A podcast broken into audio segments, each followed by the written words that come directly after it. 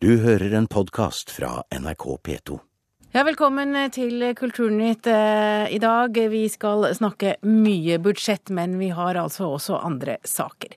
Vi starter med kulturbudsjettet, for den nye kulturministeren Hadia Tajik får nesten 900 millioner kroner mer å dele ut i kultur til neste år. Og nå utgjør kulturbudsjettet 0,96% av det totale statsbudsjettet, og dermed er regjeringen i ferd med å innfri kulturløftet om at 1% av statsbudsjettet skal gå til kultur kulturformål i 2014.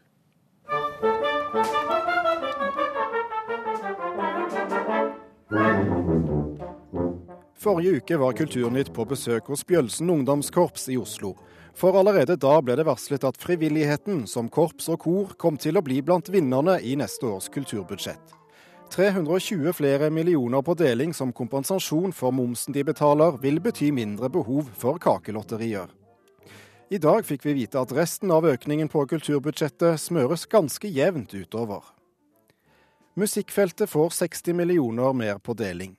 Norsk Rockforbund er glad for at gamle løfter nå oppfylles, mens Korforbundet er skuffet og mener regjeringen ikke innfrir, tross noe mer penger til Kor-Norge. Jeg hadde det veldig bra. Jeg hadde problemer og fikk ikke til å Jeg ga etter. Jeg gikk i stykker. Å, gjorde du? Ja. Jeg gjorde den største, den mest idiotiske tabba i livet mitt. Teater og scenekunst får til sammen en økning på 115 millioner kroner. Her er Kilden teater og konserthus i Kristiansand den lykkelige vinner av flest friske midler, mens Rogaland teater blir avspist med en ny nødutgang og justering for lønns- og prisvekst. Det visuelle kunstfeltet styrkes med 40 millioner kroner. Her går 5 millioner kroner til å feire Munch, 2,7 millioner til et monument over kong Christian Fredrik, og 5,2 millioner til nasjonale minnesteder etter 22.07.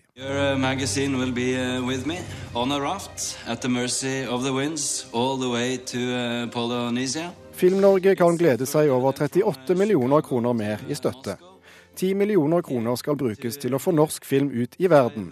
Dramaserier på TV får plusset på 9 millioner, og satsingen på norske dataspill får 5 millioner kroner mer. Pressestøtten får en påplussing på 20 millioner kroner etter å ha hatt en negativ utvikling siden 2006.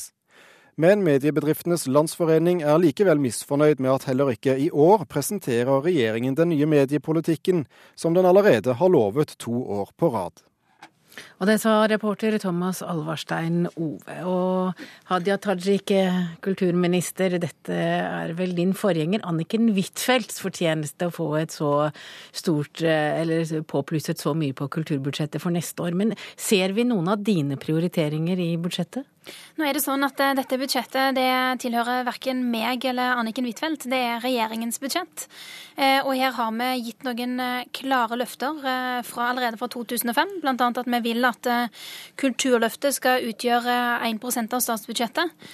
Og gjennom årets budsjett så viser vi at vi er i stand til å ta de løftene som skal til for å nå det målet. Vi har allerede dobla den delen av budsjettet som går til Kulturløftet siden 2000 2005. Og det, det, viser at vi kommer til å komme i mål innen 2014. Ja, er det noen eh, punkter eller er det noen budsjettposter du vil nevne spesielt, som du syns det er stas å fortelle om? Altså Det er to overordna ting som jeg tenker at er veldig viktige uh, å få sagt. Det ene er det som handler om endringene i tippenøkkelen. Der uh, det ikke lenger skal være sånn uh, innen 2015 at noen av pengene går til statsbudsjettet, men at alle pengene innenfor tippenøkkelen skal gå til kulturlivet, til idretten, til frivilligheten. Og at vi tar de begynnende skrittene for å få til det, sånn at både idretten, kulturlivet og frivilligheten skal få mer penger. Det andre viktige som skjer, det er at momskompensasjonsordningen får et løft. 320 millioner kroner. Til sammen er man da oppe i nesten en milliard kroner til momskompensasjon. Som jo handler om at frivillige organisasjoner, når de kjøper varer eller tjenester, korpsutstyr, sangutstyr. Altså, da får de tilbake igjen på eh, store deler av de momsutgiftene som de da betaler. Men hvorfor de... må de ha moms? Ja, eh, Nå har vi jo redusert momsutgiftene deres betydelig. Så er det fortsatt en liten avkorting, men den er, den er, betydelig mindre enn noensinne tidligere. Og gjennom de pengene vi har satt av til dette, så er det mer penger til aktiviteter i frivillige organisasjoner over det ganske land. Personlig så trekker jeg òg gjerne fram markeringen av språkåret neste år. Der eh, for Nynorsk kultursentrum eh, blir styrka med 1,1 millioner kroner. De har 100 eh, ulike markeringer planlagt over hele landet. Seks av de kommer til å være veldig store markeringer, og det ser jeg veldig fram til. Mange kaller dette her for et eh, valgkampbudsjettforslag, eh, og det er kommet veldig mange gladlekkasjer eh, denne uken og forrige uke. Hvorfor, ikke, hvorfor, kunne ikke du bare ha ventet på at finansministeren la tallene på bordet i dag? Jeg var og hørte når Sibjørn Johnsen la fram tallene i Stortinget tidligere i dag. Og, og da når Knut Arild Hareide fikk ordet, så sa han at fordi det hadde vært så mange lekkasjer tidligere, så fikk han veldig gode forutsetninger for å forberede seg til det innlegget han skulle holde. Ja, og det kan, så det er det derfor, altså? Det, det, er i hvert fall en service som jeg gjerne yter opposisjonen, kan du si. Olemic Thommessen, du er en del av opposisjonen. Du er medlem av kulturkomiteen på Stortinget, og du sitter for Høyre. Kulturløftet er i ferd med å bli innfridd. Hvis det var Høyre som hadde stått bak dette budsjettforslaget, hvordan ville dere gjort det? Det står å lese i kulturmeldinga som eh, Valgerd Sarstad Haugland la frem, og som Kulturløftet også er bygget på. Eh, mye ligner eh, i, i kulturpolitikken. Og jeg tror jeg kan ha med både KrF og Venstre i at uh, også med en borgerlig regjering ville det ha blitt betydelige løft. Forskjellen er at vi har ikke forpliktet oss til noe prosenttall. Men hvis man har fulgt med timen, så vil man se at vi har vært med på stort sett hver eneste krone uh, så langt. Um, og Sånn sett så er jo årets budsjett uh, litt sånn same procedure as last year. Det, er, um, det kommer mange bra innspill. Uh, men det er, syns jeg, noe litt fantasiløst over det. Det er ingen ny, egentlig ny politikk. Det er ingen nye grep som uh, som f.eks. tar tak i problemstill de problemstillingene som følger av at vi får en veldig ensidig og tung statlig finansiering. Det er et fullstendig fravær i mediepolitikken, og det er i ferd med å bli dramatisk.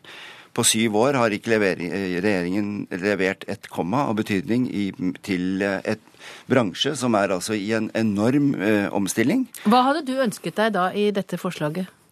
Nei, Det burde jo kommet klare signaler om, eh, om momsordningen.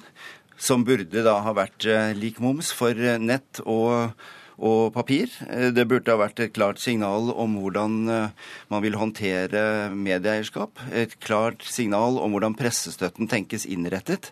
Nå har det kommet med 20 millioner og, og plattformnøytralitet, men det ligger jo i det blå fordi dette skal ESA-godkjennes og det er masse dikkedarer rundt det. Så egentlig er eh, mediepolitikken Uh, ja, den er rett og slett uh, i det blå. Det er ikke noen håndfaste signaler om hva man vil gjøre. Og det er veldig skadelig, og det dreier seg ikke om en millionhist eller en millionpist. Det dreier seg om milliardbeløp til eh, norske mediebedrifter med et enormt perspektiv eh, og, og betydning i forhold til det kulturproduktet vi alle får gjennom eh, nettaviser eller andre digitalt baserte plattformer. Skal la Tajik svare på det, for det er mange som har etterlyst det i dag, en mediepolitikk, og at dere har, skulle si noe om eierskap og moms. Eh, det Olemic Thommessen her trekker fram, er medieeierskapsloven bl.a. Det er jo ikke en budsjettsak, så den kommer vi tilbake til på egnet måte.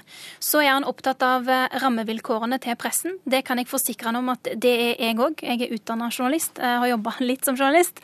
Eh, og det er i hvert fall en erfaring som jeg tar med meg inn i arbeidet som kulturminister.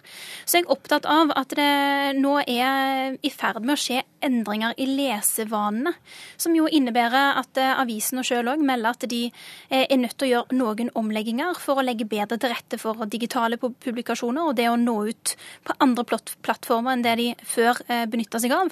Det er grunnen til at vi øker pressestøtten med 20 millioner kroner, og at vi òg vil gjøre den plattformnøytral, altså at man får den og om man publiserer, eh, publiserer, på nett, og ikke bare hvis man publiserer på papir. Og dere vurderer også om løssalgspressen kan få statsstøtte? Det gjør vi definitivt, eh, og det kommer vi tilbake til i løpet av høsten. Det er en av de diskusjonene som ble reist i høringsrunden vi hadde tidligere. Det var mange som hadde meninger om dette, og det er grunnen til at vi ser nærmere på det og kommer tilbake til det på egnet måte. Men det eh, Thommessen òg er inne på, er det som handler om mediemoms. Det er det jo mange som har vært opptatt av. Eh, mediebransjen sjøl har jo gitt innspill på først at man burde beholde null moms på papir, så ga de uttrykk for at de gjerne ville ha en 8-8-modell, altså 8% moms på Det blir veldig detaljert, men, men dette sier du ingenting om jo, jo, jeg var veldig tydelig på det både under framleggelsen og kan godt være tydelig på det nå òg. Det er sånn at den modellen som bransjen har gitt uttrykk for at det er deres ønskemodell, innebærer at man erstatter indirekte støtte med direkte støtte. Og det har man ikke grunnlag for å si at det vil bli godkjent hos ESA. Det er òg sånn at låg eh, momssats på elektroniske medier, det har man ikke erfaring med fra andre land. Så dette eh, har vi lagt vekk. Men det jeg gjerne diskuterer med mediebransjen, er hvordan de kan få best mulig rammebetingelser. Det er jeg opptatt av. Vi fortsetter til Ib Thomsen, eh, kulturpolitisk talsmann for Fremskrittspartiet. Snart er det altså 1% av statsbudsjettet som går til kultur. Hva syns dere om Frp om det? Ja, Regjeringen holder jo det de har lovt, og det syns jeg er fint for, for dem. Men, men, det som jeg også syns er fint med dette budsjettet, det er at man nå løfter frivilligheten og, og sørger for at denne momskompensasjonsordningen blir hevet enda mer. Men vi hadde jo sett for oss at den var null, for for oss er frivilligheten eh, viktig. Og man har fortsatt en byråkratisk ordning igjen, altså at man må søke for å få tilbake momsen. Så, så, så eh, frivilligheten må jo fortsatt fortsatt ha regnskapsfører og advokat nærmest for å, for å kunne klare det. Så, men man er langt på vei i, riktig retning, og der vil jeg bare si velkommen etter. Og så har jeg et par andre ting som jeg syns er viktig, som regjeringen har fått med seg. Det er at vikingskipene er endelig nå sikret. Det man er sikra på at de blir på Bygdøy, og at man nå skal begynne å rehabilitere dem. Det var 30 millioner kroner som var satt av, satt av over tre år. Så dette er viktig for kulturarven. men Nationaltheatret har eh, regjeringen glemt her. Vedlikehold. Der er det satt av 7 millioner kroner. Eh, det er estimert et beløp mellom 500 og 700 millioner kroner for å, vedlikeholde Nationaltheatret. Og der, eh, der, er det nok, en, nok mye å gjøre. Dette, det, det man har satt av til, det er bare malingsstrøk. Så har man litteraturen. Dette med likebehandling av e-bøker og, og papirbøker. Eh, dette vil gå utover eh, det norske språket og de norske bøkene, og ikke minst forfatterne og leserne, at man ikke har tatt en beslutning der. Vi ser jo at flere og flere laster ned utenlandske bøker nå, eh, og dette kommer til å være sterk konkurranse med, med norsk litteratur. Og det syns jeg er beklagelig. Skal vi ta det med litteraturen, Tajik? Det er også en sak mange har etterlyst. Ja, eh, og spørsmålet om boklov er jo òg en av de tingene som har blitt, eh, blitt, reist og diskutert, og som jeg har til vurdering, og som jeg kommer, kommer tilbake til. En av de tingene som, eh, som Ib Thomsen trekker fram, er jo dette som handler om frivilligheten. Og gjennom det løftet vi gir til momskompensasjon, altså de 320 millioner kronene, så får frivilligheten det største løftet noensinne så eh, jobber vi fortsatt mot 1,2 eh, milliarder kroner, som er målet innen 2014. Og det, det, skal vi få til. Men når Thomsen sier at ordningen er byråkratisk, så er jeg ikke enig i det. Den er enkel, den er ubyråkratisk. Og vi gjennomgår òg de søknadsprosedyrene vi har på ulike områder, for å gjøre de mest mulig enkle. Til slutt her, Øyvind Håbrekke fra Kristelig Folkeparti, også medlem av kulturkomiteen. Du er fornøyd med, med, summen på årets budsjett, men du er ikke helt fornøyd med innretningen, og du er redd for kulturskolene? Ja, først vil jeg jo gi ros til regjeringa ved den nye kulturministeren for at de har gitt kulturen et løft i budsjettet, for det har de gjort. Vi har nesten 10 milliarder kroner til kultur neste år, i et land med 5 millioner innbyggere. Og Da er spørsmålet hvordan bruker vi 10 milliarder kroner på kultur i Norge? Og da vil jo jeg si at det første vi da burde ha begynt med når vi har 10 milliarder kroner, det er å gi barn og unge opplæring i å uttrykke seg sjøl. Musikk, dans, drama, maling, eh, hva det skal være. Eh, og det, det er jo det som er det store paradokset her, i alt det gode som man her har lagt fram. Så altså 10 milliarder kroner til kultur, men 28 000 unger som står i kø for å komme inn på kulturskolen. Hvordan er det mulig? Og det eh, grepene man har gjort her innenfor kulturskolen og ellers, løser ingenting av det problemet. Det er helt utrolig at det er mulig. Jeg vet at det ikke bare er ditt ansvar, eh, Hadia Tajik, det er også kunnskapsministeren, men eh, du kan jo svare. Ja, Nå åpner vi jo for å, å, å gi en kulturskoletime til småskoletrinnet, som gjør at barn og unge som ellers ikke ville benytta seg av det tilbudet, eh, får muligheten til å gjøre det. Det kan òg ha betydning for rekrutteringen til kulturskolene på ettermiddags- og kveldstid. fordi det vi ser er at det, en av de store bøygene for å delta på kulturskolen er jo ikke nødvendigvis økonomi, eller at det koster for mye, men at man rett og slett ikke har hva si, åpna hodet eller hjertet for at den muligheten finnes. Fordi man kanskje har en bakgrunn der det ikke er vanlig å delta i eh, kulturskoleaktiviteter. Så da kan det bli enda flere på venteliste til individuell undervisning på kulturskolen? Vi har styrka kulturskolene, eh, og dette er jo med på å gjøre det mulig for flere å delta på kulturaktiviteter, sånn som Øyvind Håbrekke er opptatt av, at barn og unge får uttrykke seg gjennom gjennom kultur, og at de får åpna den arenaen mer. Vi, eh, vi styrker òg Den kulturelle skolesekken med 14 millioner kroner. og Det betyr at flere unger over hele landet får tilgang til kulturtilbud av eh, høy kvalitet og profesjonelle utøvere. Ole Midt. Ehm, det er jo flott å få gjort noe i forhold til kulturskolene, men jeg må nok si at det utspillet som regjeringen gjør nå, henger ganske godt i lufta. Eh, fordi For det første så er det jo spørsmål om det er penger nok. Altså Et, et årskull på skolen er 60 000 eh, barn, tror jeg. Sånn rundt omkring det. Eh, og det er jo ikke penger i systemet i det hele tatt til å gi en, en times undervisning til et, ikke engang halvparten av det. Det andre er jo hva slags tilbud dette egentlig skal bli, som jeg tror blir en betydelig utfordring. Som jeg også, blir, altså, som jeg også lurer på hvordan i all verden staten skal greie å styre. Altså her, Det må jo gis et rimelig tilbud. Og det tredje er jo uh, hele den integreringen i forhold til skolen, om, uh, om, hva det betyr også for den etablerte kulturskolen slik vi har, som et selvstendig tilbud. Men det er særlig de to første tingene. Jeg, synes, jeg, synes, jeg kan ikke si at regnskapet for dette initiativet går opp, verken økonomisk eller i forhold til den kompetansen som finnes ute. Vi ville ikke foreslått det hvis vi ikke hadde troen på at det går an å, å gjennomføre det. Eh, og nå mener jo jeg at eh, denne timen som vi innfører, eh, at det har en egenverdi, fordi det gjør unger i stand til å, å lære mer om kultur og å uttrykke seg gjennom ulike ja, kulturuttrykk. Men eh, vel så viktig er det òg at den type tilbud bygger opp under den generelle læringen på skolen. Det har man ganske solid dokumentasjon på. Eh, at, eh, altså at unger som òg Eh, får eh, brukt praktiske, estetiske uttrykk, at de lærer mer. De får økt læringsutbytte i andre deler av skoleverket. Det, det tror jeg er ganske bra for alle involverte. Ja, det er sikkert fint å få et sånt tilbud, men her er et aktivitetstilbud. Den klassiske kulturskolen gir et helt annet tilbud til hver enkelt elev med en helt annen kvalitet. så det er sagt. Men jeg har også lyst til å nevne at eh, et område vi fortsatt savner en satsing på innenfor alle de pengene som vi nå har fått til disposisjon, det er jo korfeltet. fordi sangstemmen er faktisk det eneste instrumentet vi alle sammen er utstyrt med. Norge har en helt unik kortradisjon, men det er nesten, heller ikke i år, nesten ingen spor av en ordentlig korsatsing. Det er et par, tre, fire millioner her og der, men ingen satsing på korbevegelsen, og det har den virkelig fortjent. Jeg er helt enig i at eh, korbevegelsen er viktig, men av og til når jeg hører Kristelig Folkeparti snakke om dette, så kan det av og til høres ut som de vil institusjonalisere korene. Eh, jeg er opptatt av at eh, vi har en, en korbevegelse som, som, godt kan profesjonaliseres i den forstand at de kan få økt oppmerksomhet og, og, økte midler. Men noe av det som er styrken med korbevegelsen, er jo òg at det er så mange som kan delta i den, og at det er mange som deltar i den, og det vil jeg gjerne legge til rette for. Da tror jeg det var siste ordet, og det fikk du i denne samtalen. Takk til deg, Hadia Tajik, kulturminister, og du skal vel videre og fortelle om dagens mange bevilgede penger. I hvert fall er det foreslått eh, at eh, statsbudsjettet det økes eh, med 900 millioner kroner til kultur neste år.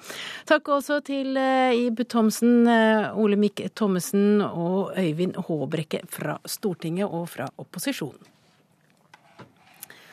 Da skal vi til, eh, ja, vet ikke om vi skal kalle det for eh, dagens vinnere. Vi har allerede nevnt dem. Det handler om vikingskipene.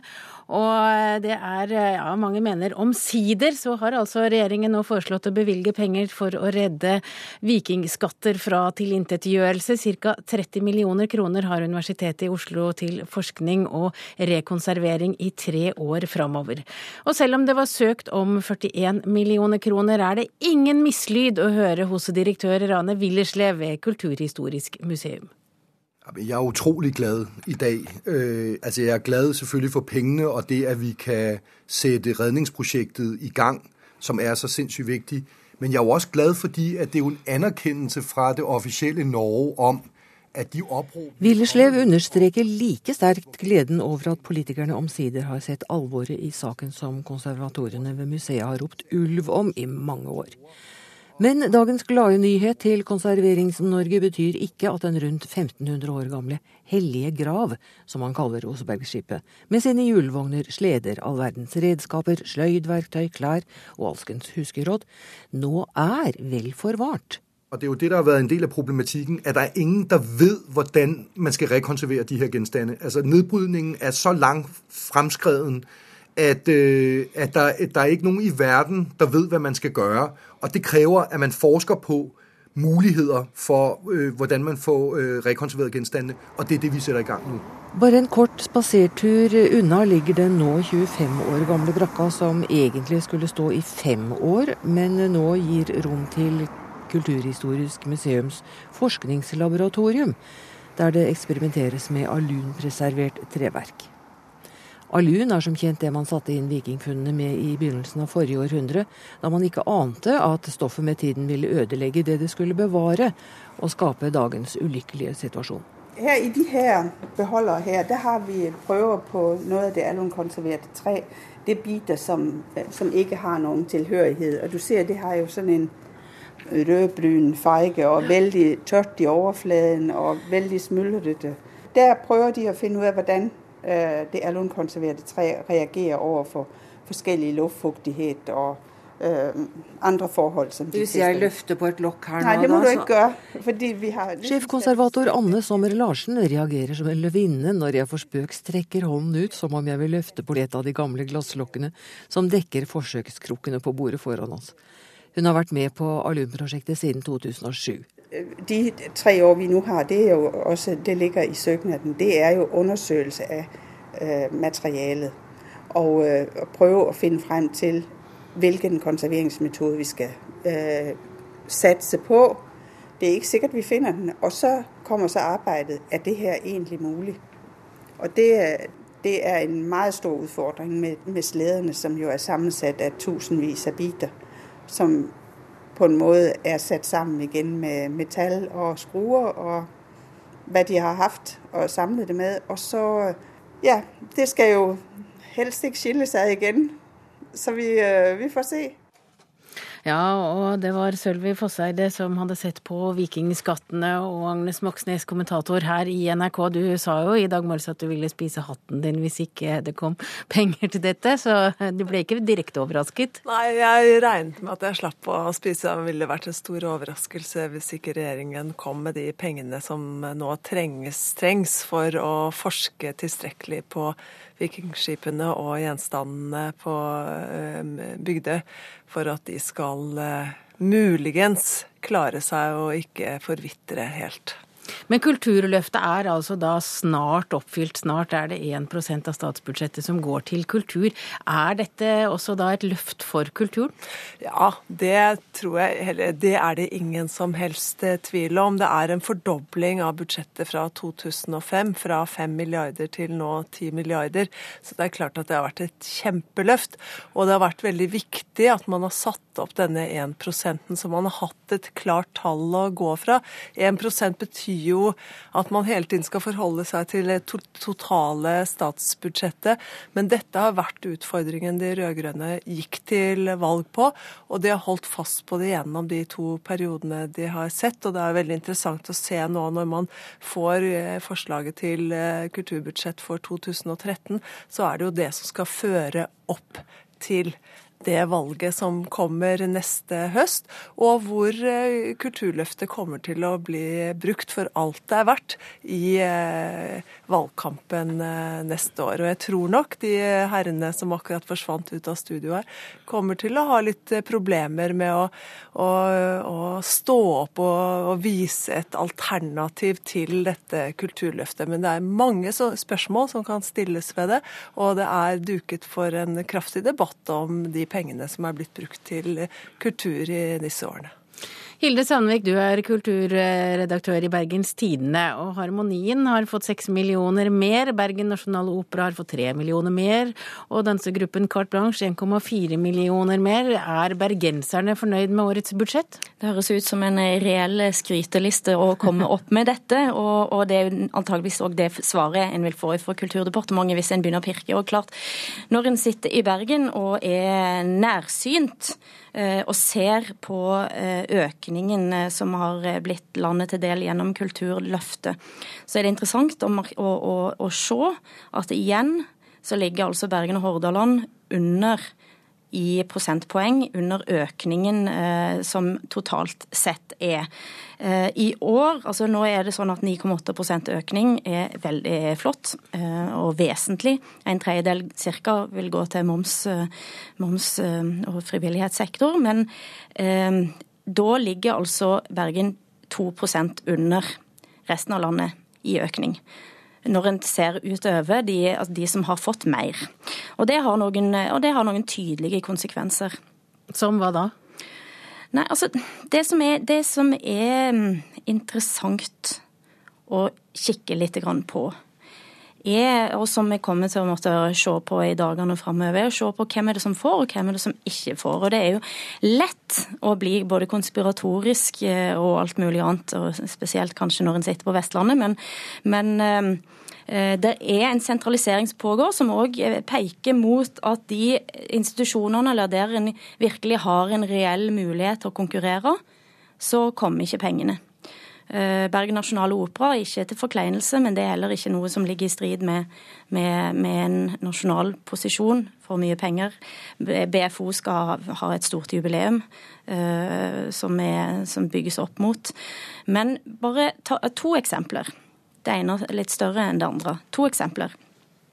Eh, neste år er det Munch-jubileum. Munch Nasjonalmuseet får 12 millioner. Eh, Bergen kunstmuseum, som altså har den nest største Munch-samlingen i landet, får 600 000. Og det til tross for at det står helt uttrykt at det blir en vesentlig del av den samlingen, som nå bl.a. vises i Århus. Et annet eksempel Eh, det ligger to rapporter på bordet til Kulturdepartementet som peker på noen strukturelle eh, utfordringer med hele filmfeltet. Eh, der det FØS, FØS, som er da altså Filmfondet FØS, og, og, og Vestnorsk Filmsenter, peker seg ut som det mest veldrevne, som det reelle muligheten for å lage et, et, annet tyngdepunkt, som ikke ligger i konkurranse med, men et stort tyngdepunkt i filmmiljøet. Først får ingenting, eh, Filmsenter får 1% altså får, får, ikke noe mer, mens altså andre filmsenter får, får mer. Altså Det er noen sånne eh, litt pussige utslag i, i kulturbudsjettet som, som, jeg tenker at det vil være veldig interessant å bore litt dypere i. Som sagt, dette er en trend som har pågått over flere år. Vi har en tredjeperson her òg. Geir Ramnefjell, du kan jo representere Oslo. Du, da kanskje eh, du er kulturredaktør i Dagbladet. Og du sier ja, du er ikke riksavis, vet du, som vi Og du sier at du er ikke sikker på om dette er et kulturløft eller et frivillighetsløft? Ja, altså 900, kroner, 900 millioner kroner er jo mye uansett. Det er ganske godt gjort i et uh, såkalt stramt budsjett. Men, um, men, det er klart når 300 millioner av de utgjør, eller 320 millioner av de utgjør uh, tilskudd til frivilligheten, så utgjør det eh, ganske mye. Og det er jo noen av de som omfattes av denne momskompensasjonsordningen som man ikke nødvendigvis tenker på som kulturinstitusjoner, sånn som eh, Røde Kors og, og Redningsselskapet.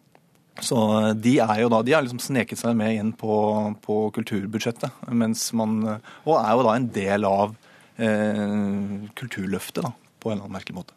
Og du, litt, du etterlyser mediepolitikk, sånn som politikerne gjorde her òg?